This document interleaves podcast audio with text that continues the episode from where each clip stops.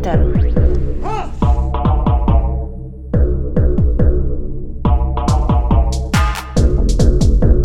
Breta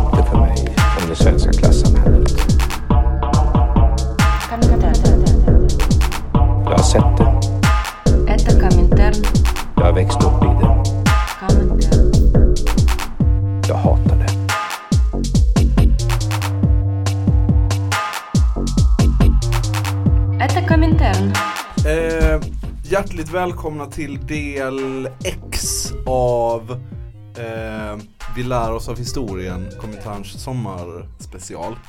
Eh, jag säger del X därför att vi är lite osäkra på var vi kommer stoppa in den här delen. Om vi kommer göra det eh, liksom kronologiskt, för vi har ju hittills i serien eh, gått framåt genom historien.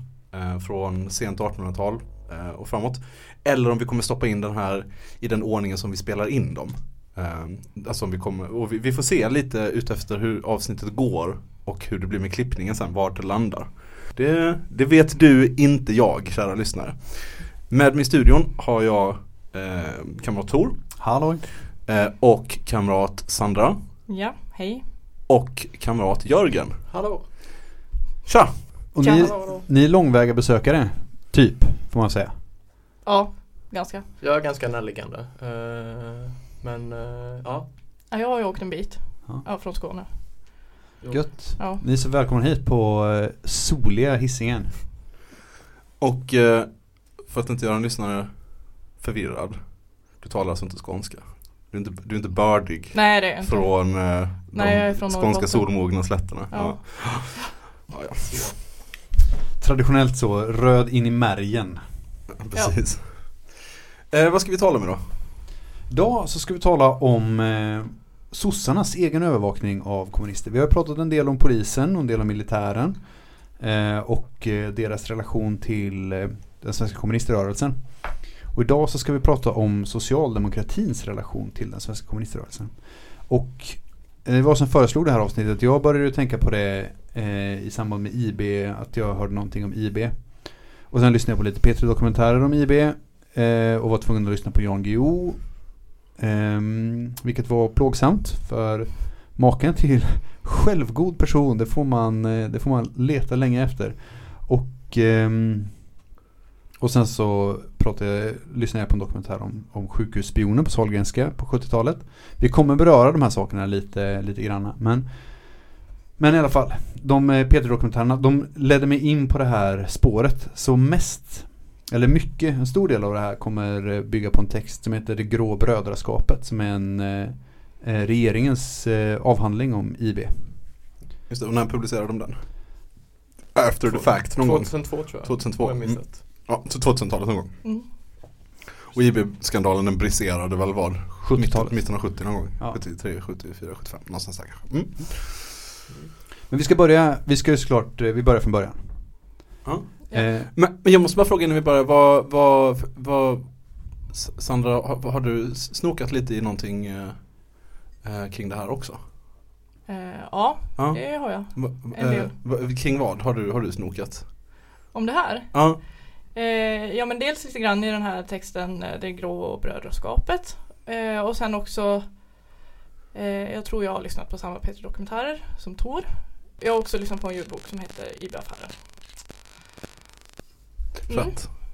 Jörgen, du blev, in, du blev shanghajad in i det här på krogen. Ja, Igår, du, du, du har inte läst på ett skit, du Jag var lite bara omtumlad. Ja, jag ja. jag läste Wikipedia-artikeln om vi- eh, IB-affären Ja. som läst. Det är bra, då är vi på, då är du och jag på samma nivå här. Vi får agera eh, personen på gatan, Just det. ställa dumma frågor, eh, klia, oss i, klia oss på hakan och luta oss mot eh, Tor och Sandras expertis. dra fyndigheter. Men Dra du har också suttit och hetsläst eh, läst den här grå brödraskapet nu. Ja. Ja. Jag har tupplurat efter jobbet. Mm. Ja. Det snurrade i huvudet. Okej, men vad tar vår historia, om vi, vad tar vi spjärn då? I Precis. socialdemokratins eh, illustra historia av att spionera på, på revolutionärer. Var börjar den? Alltså vi, det finns ju egentligen bara ett, en plats att börja på. Och det är ju 1917. Och 1917 så är det inte bara stökigt i Sverige. Det här gick vi igenom i första avsnittet. Min fascination för det bråkiga 10-talet. Ehm, utan eh, det händer ju saker internationellt också. Eh, och eh, ryska revolutionen är ju det jag tänker på framförallt. Men i Sverige så händer det andra, andra intressanta saker. Och det är så att eh, Socialdemokraterna splittras i eh, Socialdemokratiska arbetarpartiet och det Socialdemokratiska vänsterpartiet där liksom eh, stommen ur ungdomsförbundet bryter sig ur moderpartiet och sen börjar pressa moderpartiet från vänster. Och eh, Socialdemokratiska vänsterpartiet kommer också sen att eh, splittras och bilda olika kommunistpartier. Eh, som, är, eh, som vi pratar om i, vår, i vårt första avsnitt. Men det här sätter ju sossarna i en, i en jobbig sits och de börjar bli mer eh, liksom ehm, eh, inställda på att de måste slåss på två fronter samtidigt. Dels så måste de eh, såklart liksom eh, fungera som en, liksom en, en motvikt mot, eh, mot arbetsköparna. Men, men framför allt så måste de, eller inte framför allt, men de måste också börja med sin politik att hålla rent åt vänster. Att de vill inte att det ska finnas egentligen några grupperingar vänster om dem själva eh, som kan hota dem från det hållet. Så då inleder man ett, eh, ett, ett, ett, ett extremt systematiskt arbete att eh, eh, motarbeta kommunister. Och den arena som man väljer att göra det här på det är ju på arbetsplatserna. För det är den liksom arenan där det är den väljarbasen som man slåss om liksom. Eller den, den eh, kanske inte, jo men dels väljarbasen men också så här eh, sympatisörer, medlemmar, organisatörer, agitatörer, allt det här liksom. Det kommer ju ur, både för socialdemokrater, socialdemokratin och för kommunist, eh, kommuniströrelsen så kommer ju det här ur arbetarklassen. Så att den här kampen väljer sossen att man ska föra på arbetsplatserna. 1928 då så eh, skickade Socialdemokraterna ut ett cirkulär till alla sina partidistrikt. Eh, det hette kampen, och, kampen mot kommunisterna. Och där uppmanade de till uttröttningsstrid eh, mot kommunister och eh, på arbetsplatserna då. Eh, och det här innebar också att på varje arbetsplats så skulle det finnas partivänner eh, som då skulle följa kommunisterna när de folk som var kommunister skulle bli förföljda då av socialdemokrater på sina arbetsplatser i syfte att eh, sossarna skulle kunna organisera motåtgärder mot de här. Precis, man vill ta reda på vad kommunisterna håller på med. Dels vill man ju absolut ta reda på vilka som är kommunister på de olika arbetsplatserna. Och sen så vill man ta reda på vad det är de, eh, vad det är de håller på med. Och det här är ju, alltså så här, på, det här är ju jätte, jättestort. Det här blir en enorm apparat, ett enormt liksom informationsarbete som Socialdemokraterna kan, eh, eh, alltså som de sitter på. Det är liksom, det är ju hur mycket information som helst. Eh, och att ha att, att den socialdemokratiska rörelsen på det här sättet kan sitta på eh, information som ingen säkerhetstjänst i världen skulle kunna klara av liksom. Bara genom att folk eh, har koll på sina arbetsplatser och rapporterar in det till moderpartiet. Mm. Men vad är det för grejer de gör sen? Liksom ser de till så att de här eh, förmodade eller faktiska kommunisterna inte får typ positioner i fackföreningar eller eh, Det är mycket det. Det handlar väldigt mycket om att försöka kontrollera fackföreningarna. mm. Eh, alltså så i, i egenskap av arbetarklassens kamporganisationer så blir fackföreningar väldigt viktiga. Eh, och då vill Socialdemokraterna ha kontroll över de här. Men det är också intressant för det står ju fler, på flera ställen här, det grå brödraskapet, att de inte litar heller på Socialdemokraterna på polisen och militären. De litar inte på deras förmåga. Så de, ser ju att, säger så här, det vi måste ta itu med deras arbete för att det ska funka. Ja, jag tycker man stöter på det ibland också, typ så att IB inte litar på Säpo, Säpo litar inte på militärens underrättelsetjänst, militärens underrättelsetjänst Mm. litar inte på Socialdemokraterna. Det finns alla de här krafterna som på olika sätt försöker registrera och hålla koll på. Eh, och ibland samarbetar de, men, men de gör det också ofta lite motvilligt och eh, lite, jag vet inte vad man ska säga, med mycket misstänksamhet. Liksom. Ja. Mm. Men det kanske blir så när man blir indragen i sånt spionliv. Alltså att när man, är, när man typ jobbar med att jag vet inte, övervaka och katalogisera och smyga runt och göra hemliga inbrott och sådär så blir blir man så här konspiratoriskt lagd. Och då blir det väldigt svårt helt plötsligt att lita på andra organisationer som sysslar med samma sak. För man misstänker ju hela tiden, alltså man känner ju andra som man känner sig själv liksom. Precis, eftersom att man själv sitter och underhåller en massa information hela tiden som man sitter på så bara utgår man ifrån att alla andra kommer göra det också. Vilket väl också säkert är sant. Ja. Ja. Förutsatt att både IB, Säpo och typ Must bara skottade undan så mycket hemlisar de kunde och satt in, alltså la in hög liksom. Ja. Vi, vi kommer väl senare i avsnittet exakt vad IB är för någonting. Vi kan ju spara det lite. Så det, är, det, är, det pågår någon slags eh, smutsigt gerillakrig på svenska arbetsplatser på under 10-20-talet helt enkelt. Mm. Jo men även Socialdemokraterna inrättar ju sådana celler som de säger. Alltså det tänker man ju förknippar man annars med kommunister. Att det är något så underjordiskt arbete. Men det, det det. finns ju där också från Socialdemokraternas håll. Ja, det är intressant. För att Vi- eh, vi, vi, vi tog upp det i förra avsnittet att eh, KFMLR hade ju den eh, delvis den organisatoriska modellen i alla fall att de hade vad de kallar driftceller på arbetsplatserna. Där vissa medlemmar skulle vara öppna eh, med sin politiska hemvist och andra skulle arbeta i det fördolda liksom. Säkert som någon slags svar. Eh, och det är ju inte alls svårt att tänka sig att Socialdemokraterna i så fall hade liknande eh, en tidigare liknande modell. Socialdemokraterna är ju också en större, en betydligt större organisation. Och det är ju viktigt att, och, eh, hålla i åtanke. Och 1929 så instiftade man en, eh, ett liksom organ som man kallar för eh, partistyrelsens informationsavdelning.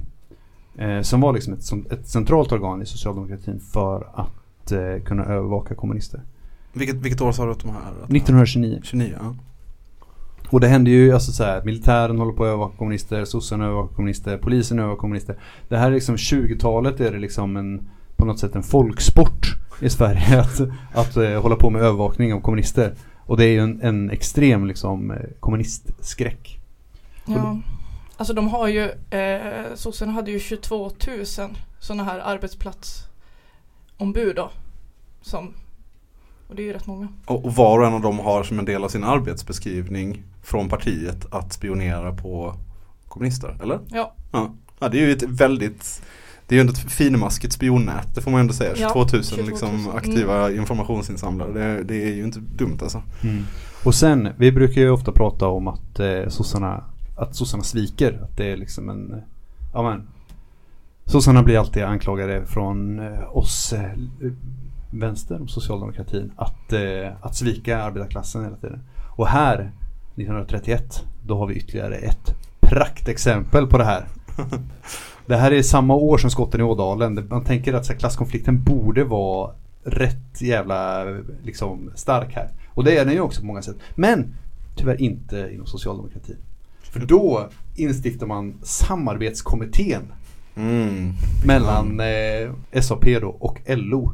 Som är en, eh, en samarbetsorganisation för att kunna hålla koll på kommunister och se till att de inte kommer in på olika arbetsplatser. Som, som liksom, vilka som, som man samlar in information och sen har man en svart, svart lista. Mm. En svart, ja. Som eh, den eh, eh, Knutna nävar skivan, eh, de svarta listornas folk. ja, just det. Just det. Ja, det är osympatiskt. Mm. Det är dock en heder som glatt oss. Det märks att eh, de skräms av vårt hat eller vad är det? Ja, just det, precis. Det är en hedersutmärkelse. Ja, jag kommer ihåg, men det är, Ja, det är en fin låt. Ja. Men det är en hedersutmärkelse som eh, blir problematisk om man till exempel har en familj att försörja.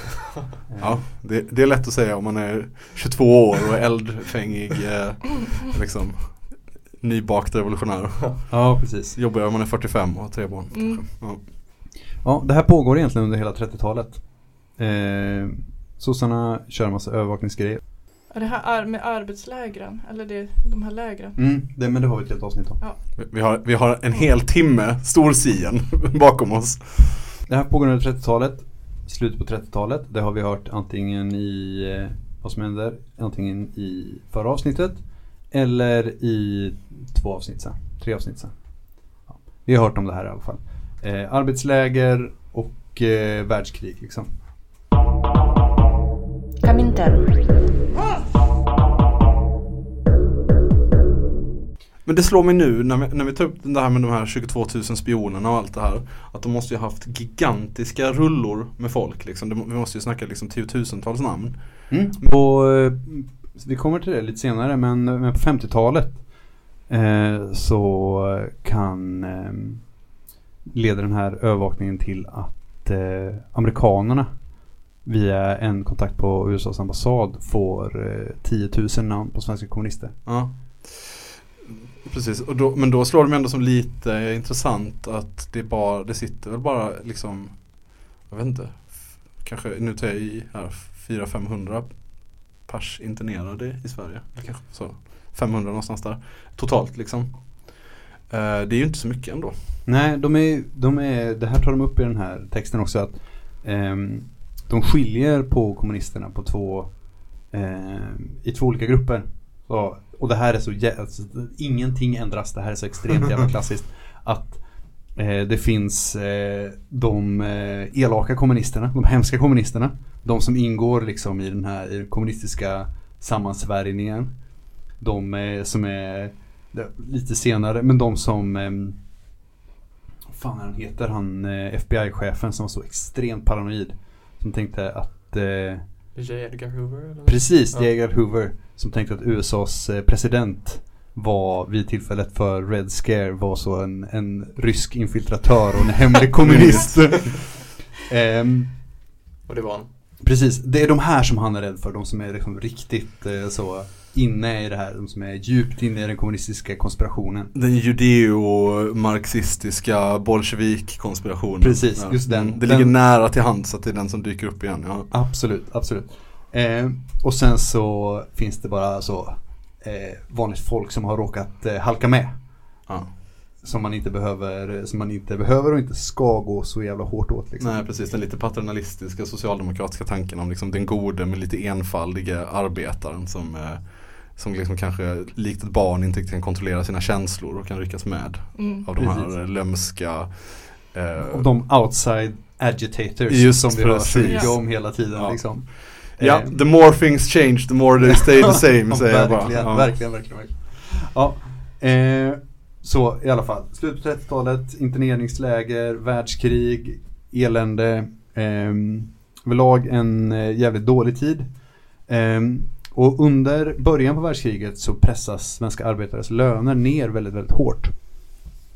Man, man jobbar hårt på att få ner lönerna samtidigt som eh, matpriserna stiger så reallönerna sjunker med upp mot 20%. Mm. Alltså tänk om någon av er, om jag skulle få en 20% om min chef skulle komma till mig och bara Du kommer få 20% mindre, mindre lön nu.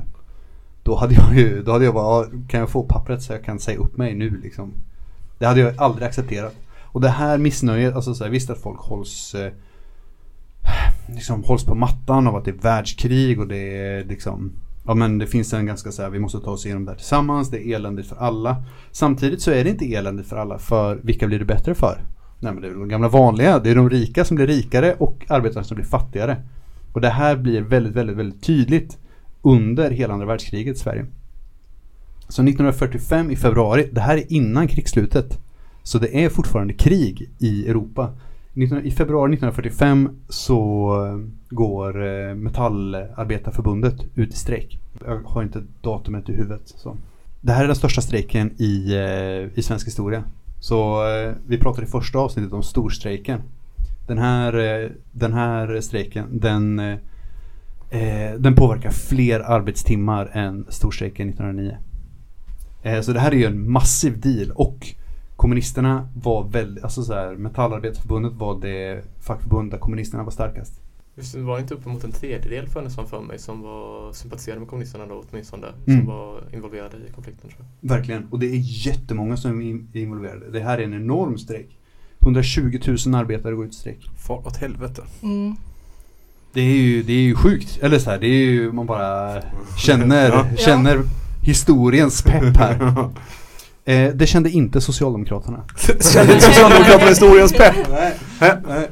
De kände att det här, så här kan vi fan inte ha det. Det här är jätte, jättejobbigt. Stopp och belägg! Ja det var, det var, nu, nu kommer stora så bromsklossen fram. Mm. Man höll på och agiterade om ekonomi, man höll på och liksom hela socialdemokratiska så här, propaganda, lagom är bäst. Eh, Maskineriet rullar ut. precis som en så stor, alltså som en sån jättestor tysk tank. Jag vet fan inte, nu har jag glömt vad de hette som det fanns typ så här 30 stycken av. Eh, men som var, och som var jättestora men som liksom aldrig spelade någon taktisk roll för att de var Kungstiger. Kungstigern ja, precis. Som en stor socialdemokratisk kungstiger. som och- och i eh, juni så, så eh, går man tillbaka till arbetet. Mm. Det här är ingenting som sossarna glömmer utan det här är, något, det här är liksom ett, ett brännande R som sossarna verkligen tycker är jobbigt att dela med. Men Hur gick det med den här strejken egentligen? Vet vi det? Vad Ja. utfallet blev? Ja, precis. Nej, jag vet inte. Ja. Men fyra månaders strejk. 120 000 personer. Det är... Ja. Mm. ja, något måste ha hänt. ja. Wikipedia-artikeln säger ingenting. Nej. Om någon, den säger inte vad de strejkade för. Den säger inte vad som hände. Den säger bara att jättemånga. Den säger hur många arbetstimmar som påverkades och vilka datum den höll. Ja. Eh, men efter strejken så blir det ju, alltså jag kan tänka mig att, att saker och ting förändrades efter strejken. Eh, för att kriget tar slut. Och för att Sverige är ett av de få länder i världen som har klarat sig någorlunda bra. Så svensk ekonomi börjar gå för högvarv. Och eh, folk börjar få det bättre under eh, 50-talet. Ja, men för att ta något annat exempel då så, så var det år 45 då, samma år som strejken, slutet av andra världskriget. Så var själva försvarsministern Sven Andersson skickade ut ett brev till alla arbetarkommuner i Sverige och det är 2700, så ganska många. Och där skriver han just att man ska, alltså man ska kartlägga den, vad säger han, den politiska sammansättningen hos eh, fackföreningarnas, vi ska se vad det heter, det heter FCO, fackliga centralorganisationer, eh, deras styrelser, just för att se hur många socialdemokrater är det, hur många kommunister är det. Så det här var ju ett, eh, det här var en angelägenhet för partiet liksom och för, som själva försvarsministern blandade sig in i. Hur ser det ut i, vill någon bara googla fram hur det ser ut politiskt i eh, Sverige? När upphör eh, samlingsriksdagen? Och ehm, eh, vilka är det som tar makten efter? Eller vilka är det som får makten efter? Regeringen har som tre, eller samlingsregeringen, var en svensk regering som tillträdde 13 december 39 och satt fram till den sista juli 45. Och vilka fick makten efter? Det står företrädare Hansson den andra och efterträdare Hansson den fjärde. Är det Per Albin vi pratar om? Ja, det är Per Albin vi pratar om. Ja, såklart. Okej, så sossarna fick makten efteråt. Ja. Och socialdemokratin hade, hade makten under, eh, alltså var ledande i ehm, eh, samlingsregeringen under världskriget. Ja. Det här är lite pinsamt att jag inte vet om det här. Det tycker jag är en sån eh, grej som jag borde veta. Av någon anledning. nu vet vi. Men försvarsministern gick ut med, ett, eh, med en skrivelse till Sveriges arbetskommuner. Fick eh, för att få reda på vilka som var kommunister, vilka som var sossar och vilka som var Det här tycker jag är lite roligt. För jag tror att, att formuleringen är vilka är kommunister, vilka är socialdemokrater och vilka är partilösa. Att det var liksom, det var de tre, det var de två som, de två partierna som fanns och så, så resten var så här. De är ett tomt ark liksom. Ja men precis, bara, antingen så är du kommunist eller sosse eller så är du bara sitter hemma och kollar på Netflix och bryr dig inte alls om politik liksom. Mm. Det tycker jag är, är roligt och talande om hur, eh, hur sammansättningen på svenska arbetsplatser såg ut efter kriget. Innan unionen fanns. Jag tänker också att vi måste prata om eh, en sak som dyker upp här som kommer bli viktigt senare. Eh, och det är ju Israels bildande 1948. Det är så väldigt, eh, så himla årtalstungt det här. Men ni får helt enkelt bara leva med det. 1948 bildas staten Israel efter eh, ganska lång terrorkampanj från olika så, sionistiska terrorgrupper i eh, Palestina. Eh, I eh, Palestina så beskrivs det här Eh, den här händelsen som al-Nakba eller katastrofen och som eh, syftar till då fördrivningen av palestinier från eh, ja, sina hem runt om i Israel. Ett av de mest, eh, ett, eh, av de mest kända exemplen är massakern i Deir Yassin där man gick in och bara mördade en massa folk för att driva folk på flykt liksom. Eh, så att man helt enkelt kunde ta över, eh, ta över palestinska områden och eh, utvidga Israels, eh, eh, eller egentligen bilda staten Israel på något reellt sätt. Det här är något som fortfarande pågår och det är något som har pågått sedan 48. Eh, Israel håller fortfarande på med en så fördrivningskampanj och etnisk rensning på Västbanken och i Gaza. Och eh, bara få in det här som en liten, en liten parentes, nej bara en liten påminnelse om att det här är inte någonting som har slutat. Eh, och eh, sen så är ju också det här såklart startskottet för Eller ett startskottet. Men eh, en, en tydlig punkt i det palestinska motståndet. Som senare kommer bli väldigt, väldigt viktigt i den här historien. När det börjar hetta till på 60-talet.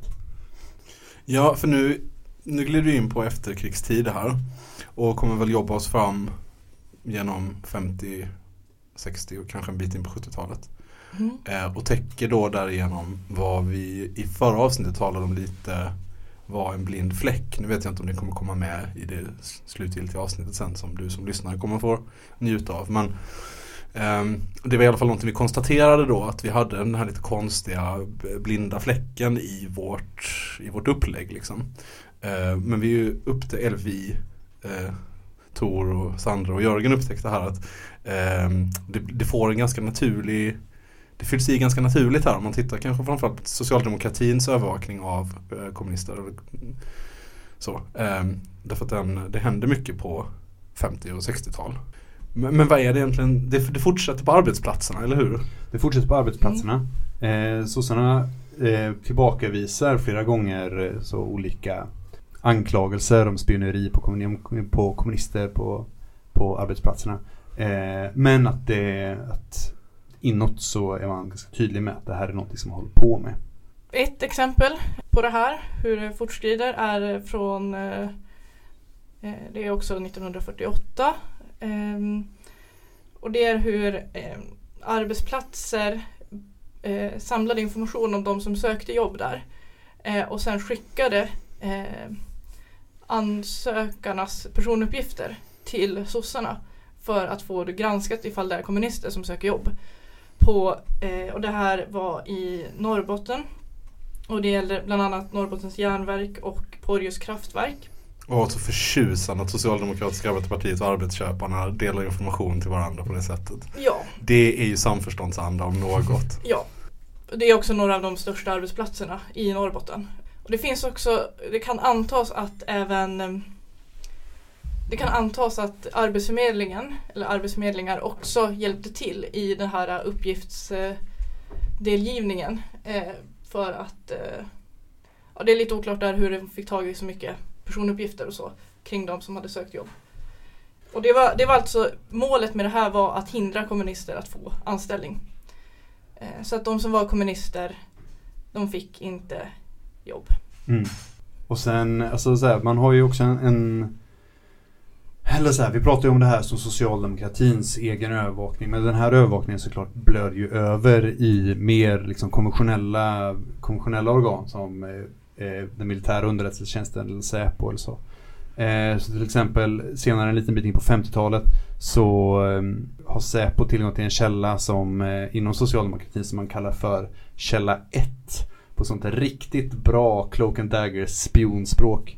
Ehm, som förser dem med information om så här, vilka inom eh, eh viktiga eh, liksom logistiska arbeten till exempel på, på järnvägen i Stockholm är eh, kommunistanslutna.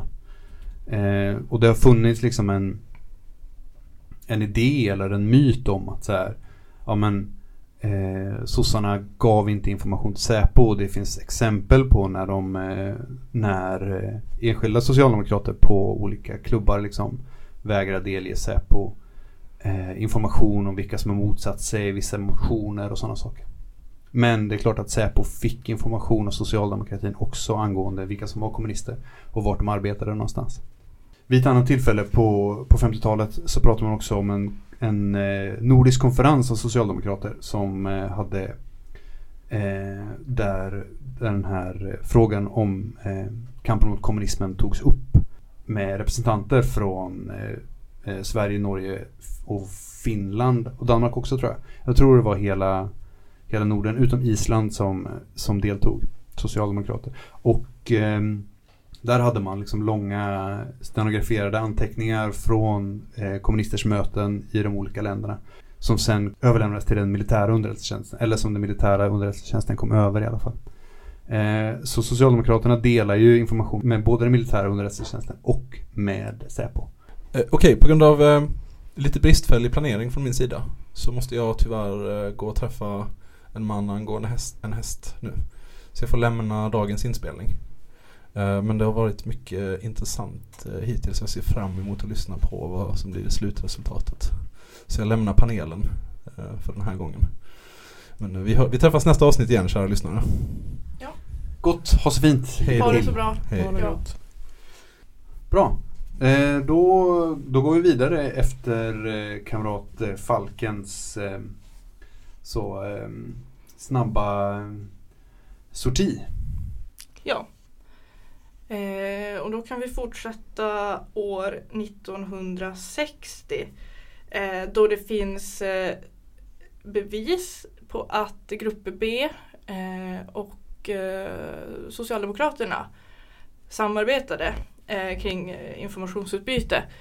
Vilket de ofta båda parter har nekat till att de har gjort. Men i en brevväxling mellan en person från grupp B och en sosse så framgår det tydligt att de kartlägger ungdomar som ska åka på en festival i Helsingfors.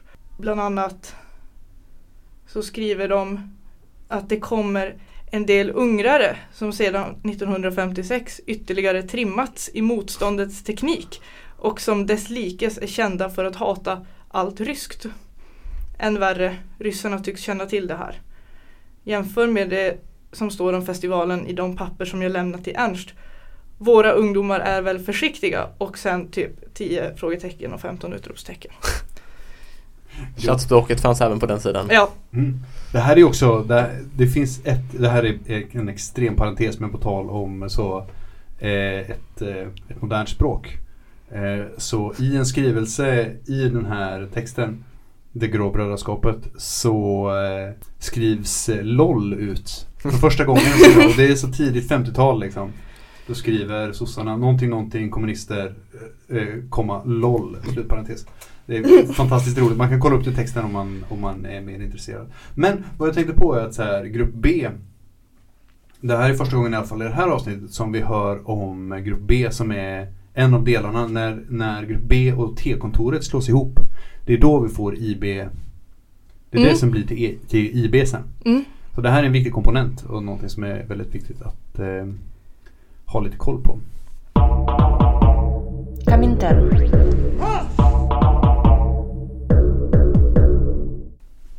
Senare under 60-talet i alla fall, då eh, hettade det ju till i eh, den palestinska diasporan. Eller det är ganska mycket som händer under 60-talet och det här är någonting som eh, vi säkert har tagit upp eller kommit upp flera gånger i den här serien. Men eh, 65, alltså fransoserna har ju drivit sitt eh, koloniala krig i Vietnam under, under många år, sedan början på 60-talet. 65 så blandar sig amerikanerna eh, officiellt i kriget och eh, det är där egentligen som det som vi idag känner som Vietnamkriget börjar. Eh, det här eh, och många andra saker eh, leder ju till en, en uppsving i, liksom, i vänsteraktivitet runt om i hela Europa och USA. Liksom. Ja, som sen kulminerar i 68 och eh, 68-revolten och sånt. Men parallellt med det här så drivs ju också den, eh, den palestinska frihetskampen börjar liksom hetta till. Vi har eh, en ganska tydlig marxist-leninistisk eh, inriktning på flera av de här grupperna. PFLP och DFLP bland andra. Fatah var ganska, eller liksom hela PLO var ganska vänsterorienterat när man fortfarande opererade utifrån flyktingläger i Jordanien eh, på 60-talet. Vi ska inte prata så mycket om Palestina i det här men det är viktigt att veta att det knöts mycket kontakter mellan eh, mellan svenska eller mellan europeiska vänstergrupper generellt och eh, palestinska olika palestinska frihetsorganisationer. Det här gjordes på lite olika sätt. Eh, vi har exempel från Danmark i med Blekinge-Gardeligan som eh, rånade banker i Danmark och sen skickade pengarna till PFLP. Vi ska inte gå in så mycket på snyltarstatsteorin nu men, men Palestina var en viktig del. Och framförallt en viktig del för ehm, eller det var en del som eh, för motståndet mot Vietnamkriget var ju väldigt utbrett i hela samhället. Det var liksom Det var inget konstigt att vara motståndare till Vietnamkriget utan det var helt normalt. Palme hade sitt jultal, vilket nu år det nu var. Eh, där han ehm, ja, kallade USA för Satans mördare i samband med att man bombade Hanoi på, på julafton och så. Men vad man var orolig för, det var de som hade, eller vad man var väldigt orolig för, det var de som hade kopplingar till Palestina. För där fanns det liksom en annan, det var, fanns en annan radikalitet men det fanns också ett annat eh, eh, liksom, man var rädd att eh, de här eh, personerna skulle utföra terrorhandlingar i Europa. Och det här är någonting som övervakades. Det här är ju egentligen kärnan i hela IB-affären. Mm. Eh, att man övervakade, man övervakade olika Palestinagrupper i Sverige. IB är mest känt för att övervaka eh, vänstergrupper i samband med Palestina med olika Palestinagrupper. Mm, precis. Eh, bland annat så gjorde de eh, så att de skickade in eh, folk i Palestinagrupper, i vänstergrupper, som bland annat eh, uppmuntrade och eh, droppade idéer som var eh, alltså kriminella och eh, ibland farliga och liksom, alltså skadliga för, för eh, samhället och så för att eh, uppmuntra då vänsterfolket att eh, begå brott. Så att man sen kunde sätta dit. Om man var agent i IB så uppmuntrades, man ju också att begå brottsliga handlingar för att kunna komma längre in i de här organisationerna. Och sen så eh, sålde man också information till israeliska staten för att kunna Mm. ja, men, eh, hejda den palestinska frihetskampen helt enkelt. Stigmatisera, stämpla. IB var ju IB är ju intressant för att det var så pass hemligt. Det var verkligen inte många i Det var alltså så här, visst Sverige har, hade ju en, en officiell så, säkerhetstjänst och militär säkerhetstjänst. Alltså Säpo fanns och MUST fanns. Men IB var IB hade liksom ingen koll på IB var liksom Socialdemokraternas egna säkerhetstjänst. Och man samarbetade såklart med militären och så. Men det var väldigt knutet till socialdemokratin. Mm.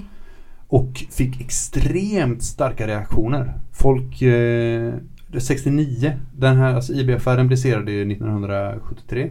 När eh, eh, Jan Guillou och Peter Bratt skrev om det. Och det här är, det här är ganska väl belagt.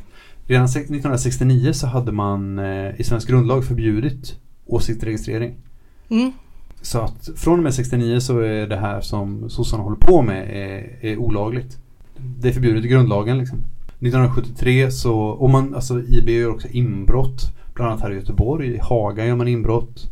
Eh, på olika så vänster eh, kontor. Man fotograferar eh, medlemsregister och man liksom håller på Mm.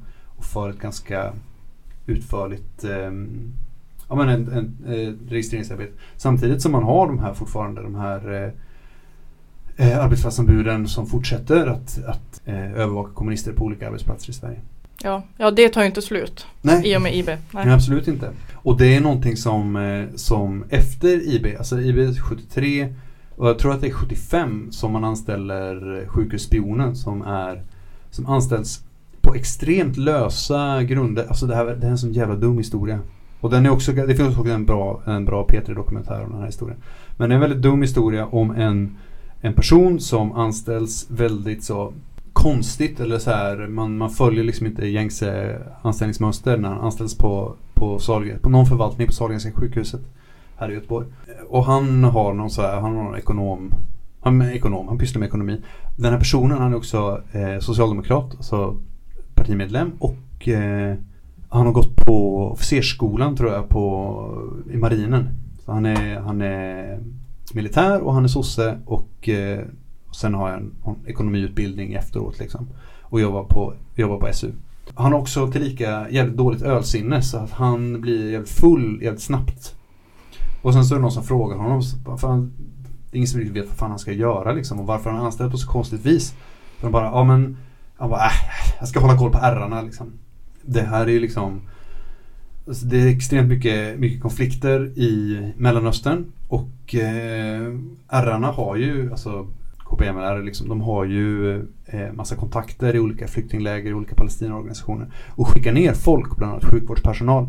Eh, och då var det någon som hade varit nere i något av de här flyktinglägren, jobbat eh, och kommit hem och varit, eh, blivit så här upphöjd i svensk press. Men det var ju jobbigt för sossarna att hon var kommunist. Mm. Så eh, då hade man liksom anställd med den här personen som skulle hålla koll på ärrarna på sjukhuset. Och det tyckte ju folk var jobbigt liksom. Och så, så här, det var ju, och det var ingen som tyckte att, folk tänkte att det här är ett skämt liksom. Det här är på, det här är på skoj. Och, eh, men det var ingen som tyckte att det var roligt och alla tyckte det var lite, så här, lite obehagligt. Typ. För att man bara några år tidigare haft IB-affären och så var extremt så eh, stora konsekvenser och jävligt pinsamt liksom för socialdemokratin. Och sen så efter att den här personen har anställts så börjar man försöka Alltså man, man bara hittar på en konspiration. Eller så här, man, man kör en ganska klassisk så här, en konspirationsteori liksom. Det är ett, eh, ja men någon skit i någon eh, operationssal som har med något, eh, något elaggregat att göra. Som har gått sönder. Och sen drar man upp det och säger att så här, nej, men det här är sabotage. Det här är kommunister som har gjort det här.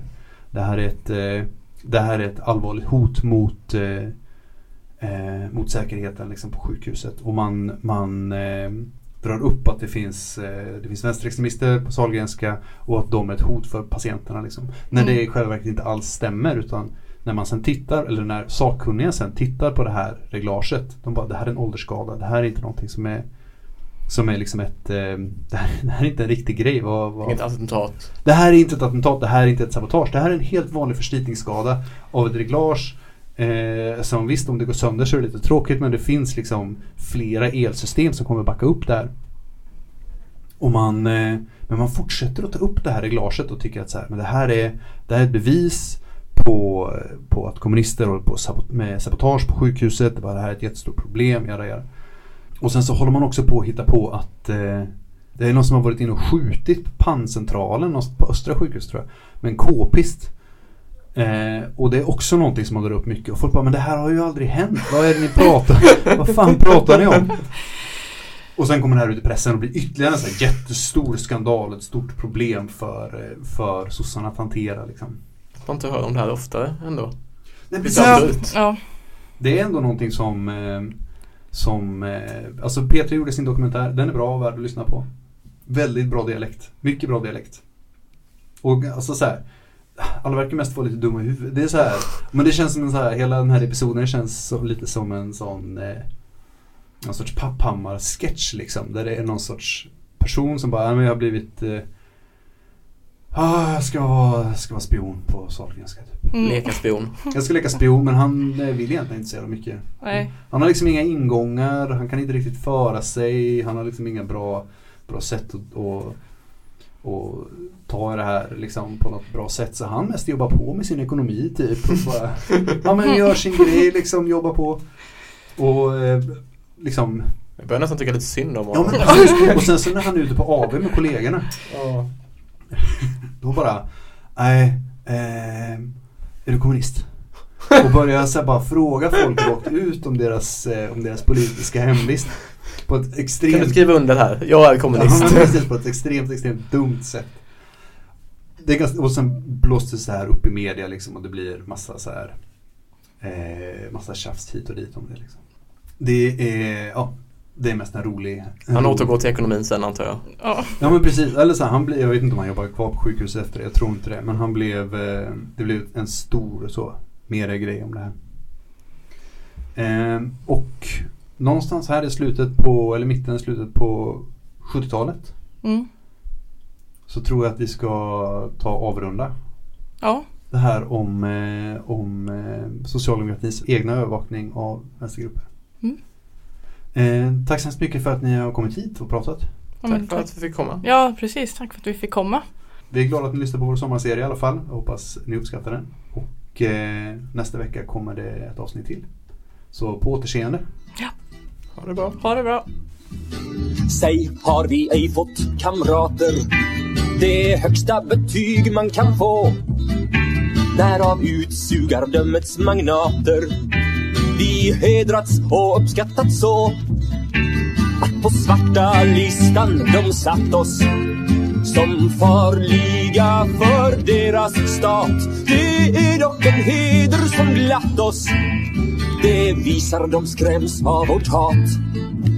Vi är födda i armodets kåkar. Till slavar åt kung kapital.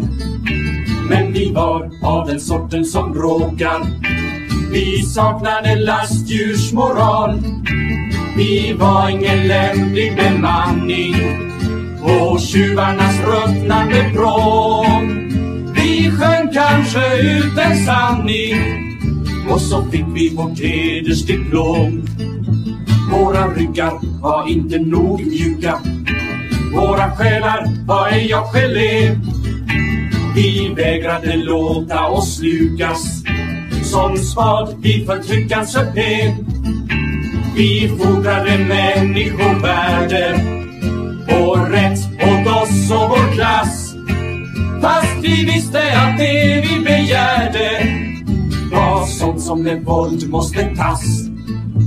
Kamrater av svarta listan De tror de har stukat oss bra.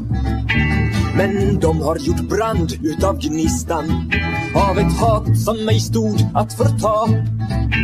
Vi ska visa oss värda den ära Vi fått i vårt svarta betyg. Vi ska utnyttja det vi fått lära. Ni får tillbaka och räntan blir dryg Låt gå för det hemlösa livet. Låt gå för att magen är tom. För herrarnas öde är skrivet. Långt värre i massornas dom. Den ökar, den ökar, den ökar. De nystöttas hämnare här. På fönstret revolten spökar. Vi människokötts affär. Vi ser hur slavarna vaknar. Vi ser hur nävarna knyts. Hur de piskade ryggarna raknar. Vi hör hur fjättrarna bryts. Den var ej förgäves den möda som gav oss vår svarta medalj. För segern är hos de röda klassernas sista batalj. För segern är hos de röda i klassernas sista batalj.